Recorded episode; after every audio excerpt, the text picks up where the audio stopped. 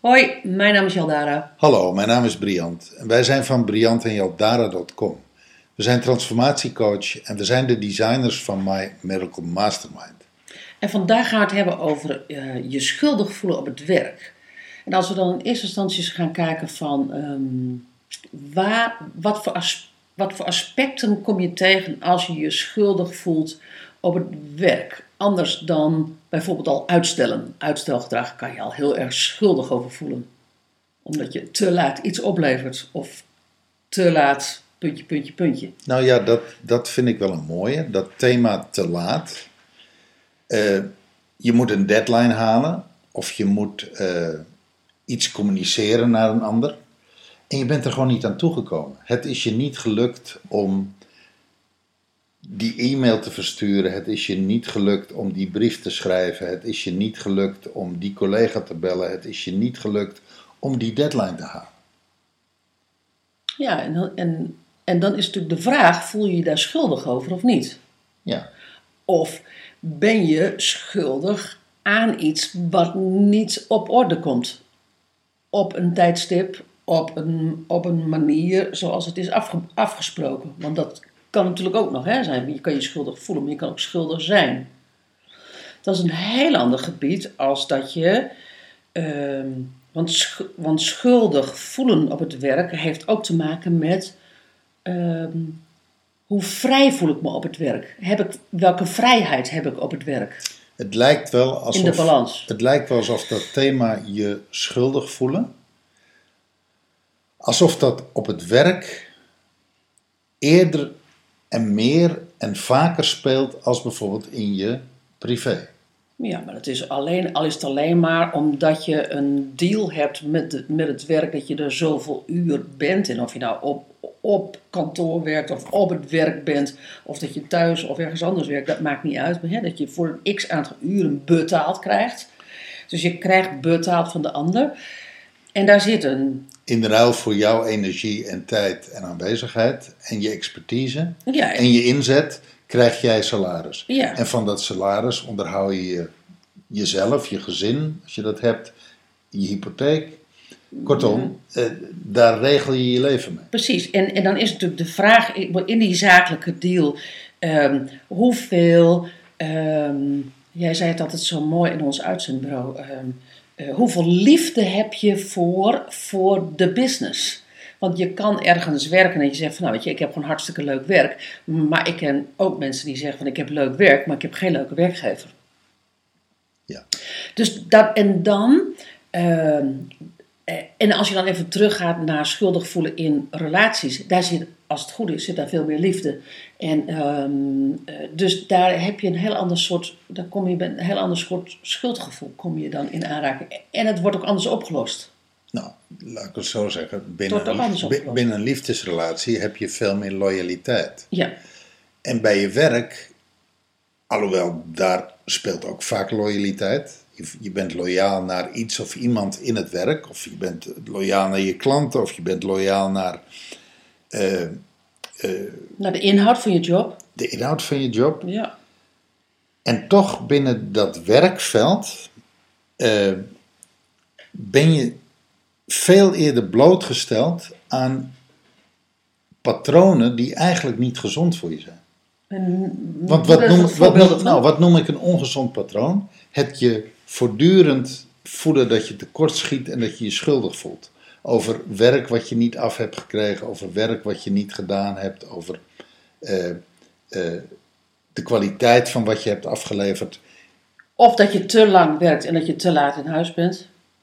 Dan gaat het doorspelen naar je familie toe. Ja. Maar in dat werkveld ben je best wel eh, op momenten word je blootgesteld aan situaties die eigenlijk niet zo goed voor je zijn. En, en wat bedoel ik daarmee?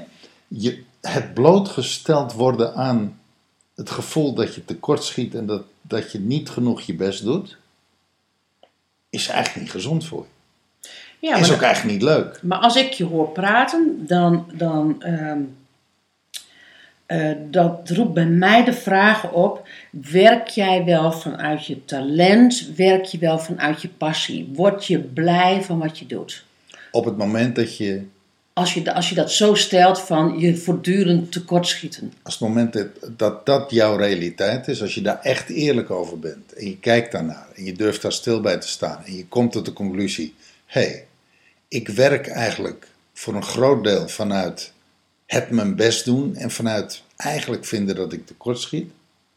Als dat, de, de, als dat jouw realiteit is, dan zeg jij, Nou, dan zeg ik van, eh, kijk eens waar je blij van wordt. Kijk eens eh, of je werkelijk eh, doet waar je talent ligt. Of, waar je, waar, of je werkelijk doet waar je passie ligt.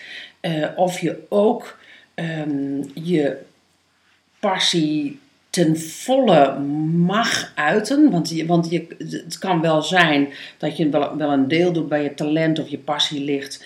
Ehm, maar dat je verder in de organisatie, gewoon ehm, eh, waar je werkt, helemaal niet dat uit mag dragen. Dus dat je dat op, op, op de vierkante millimeter wel mag, maar, maar zodra je buiten je kamer komt, hè, om het even heel beeldend te maken, dan word je geacht niet al te veel eh, passievol daarin in te gaan staan. Ehm, en dat doet natuurlijk direct iets, dat heeft natuurlijk direct zijn weerslag op die vierkante meter. Want ja, als ik het daar niet mag, waarom zou ik het hier dan wel doen, om het maar even zo te schetsen. Ehm, ja, dus, dus ik zeg van, kijk eens of je werk doet waar je blij van wordt en waar je passie ligt. Maar ook of je in een omgeving zit waar je blij van wordt. En waar je geïnspireerd wordt en waar jij mag inspireren waar de energie mag stromen en waar er positieve energie naar jou toe komt.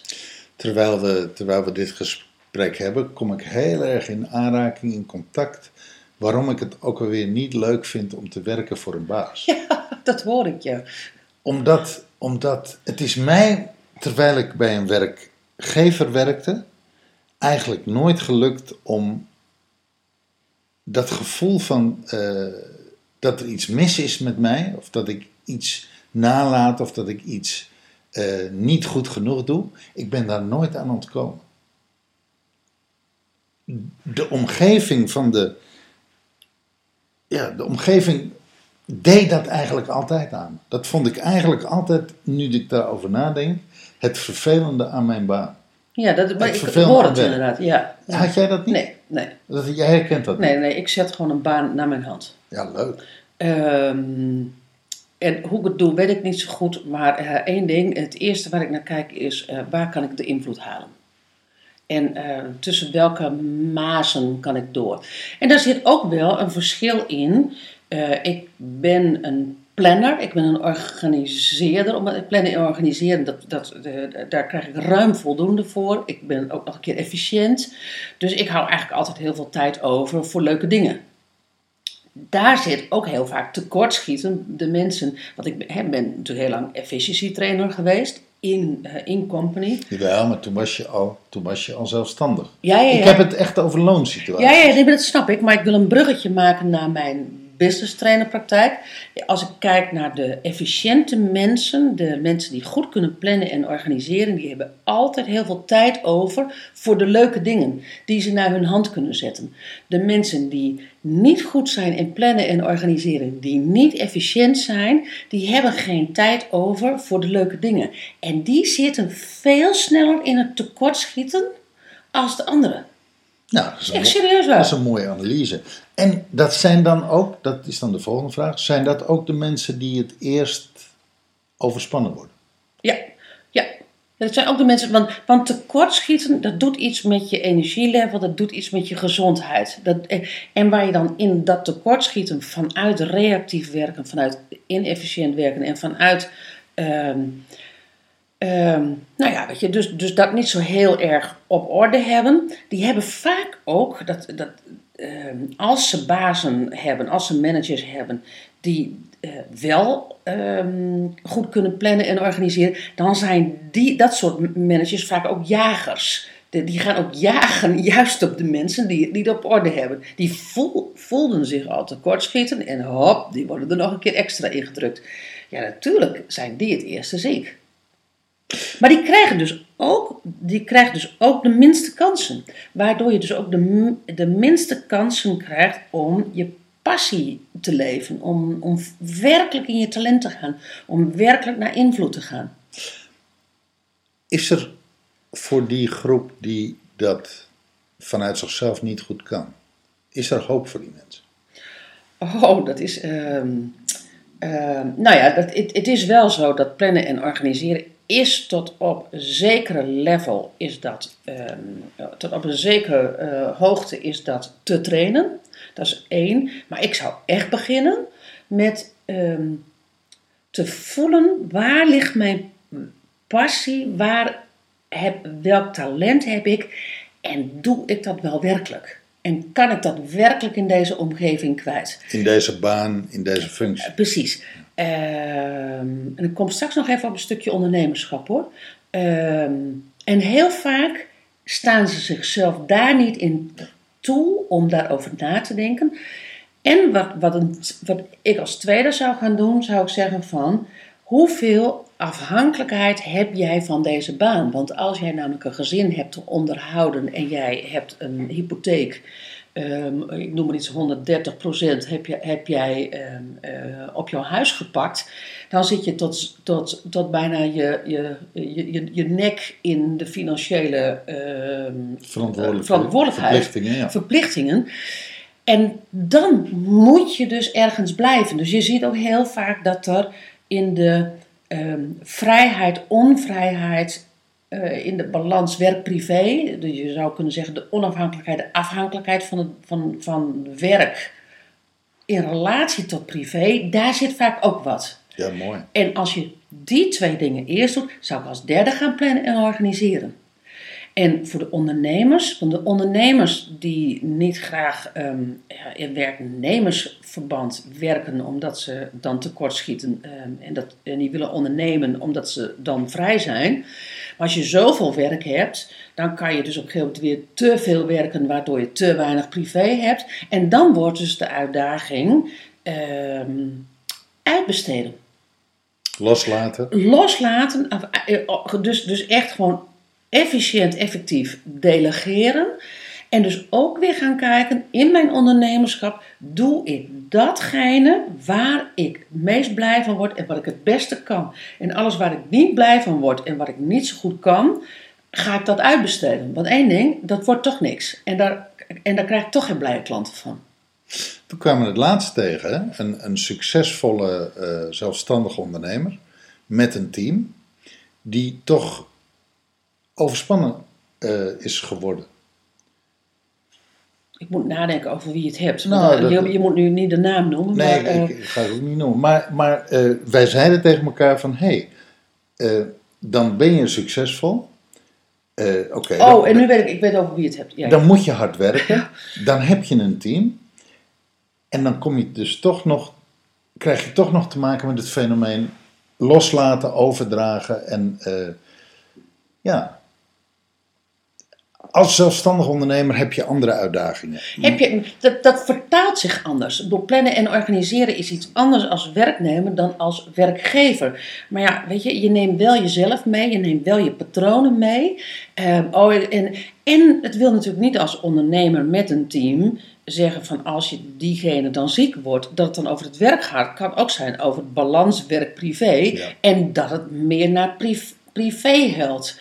Ehm, en dat er eh, bijvoorbeeld een onvervulde liefde ehm, eh, niet is eh, privé, waardoor je het gevoel kan hebben van, nou ja, weet je, ik verdien wel een bak met geld en ik heb wel een leuk team, maar wat kan ik er nou mee doen behalve ehm, eh, weer een vakantietje boeken of, of, of, of weer een bepaald soort gadget kopen, maar ik heb geen geliefde op de bank. Nee. Bovendien, ook al zou ik er hebben, ik ben veel te druk met mijn bedrijf. Dus ik, ik kan eigenlijk helemaal niet de aandacht en de tijd besteden aan haar die ik zou moeten of willen. Ja, dus, dus, dus werk heeft, wel altijd, heeft ook altijd wel weer een dynamische balans met privé. Om, dat, om dat zo te zeggen. Nou, kortom. ehm, tekortschieten in het werk. Ja. Heeft, heeft vele uitingsvormen en is erg ongezond. En mocht je jezelf hierin herkennen, eh, nou, lu- luister dan misschien nog eens naar die podcast. Ja, dat zou ik zeggen. Er zitten, wat, er zitten nou, tussendoor zitten er tips in.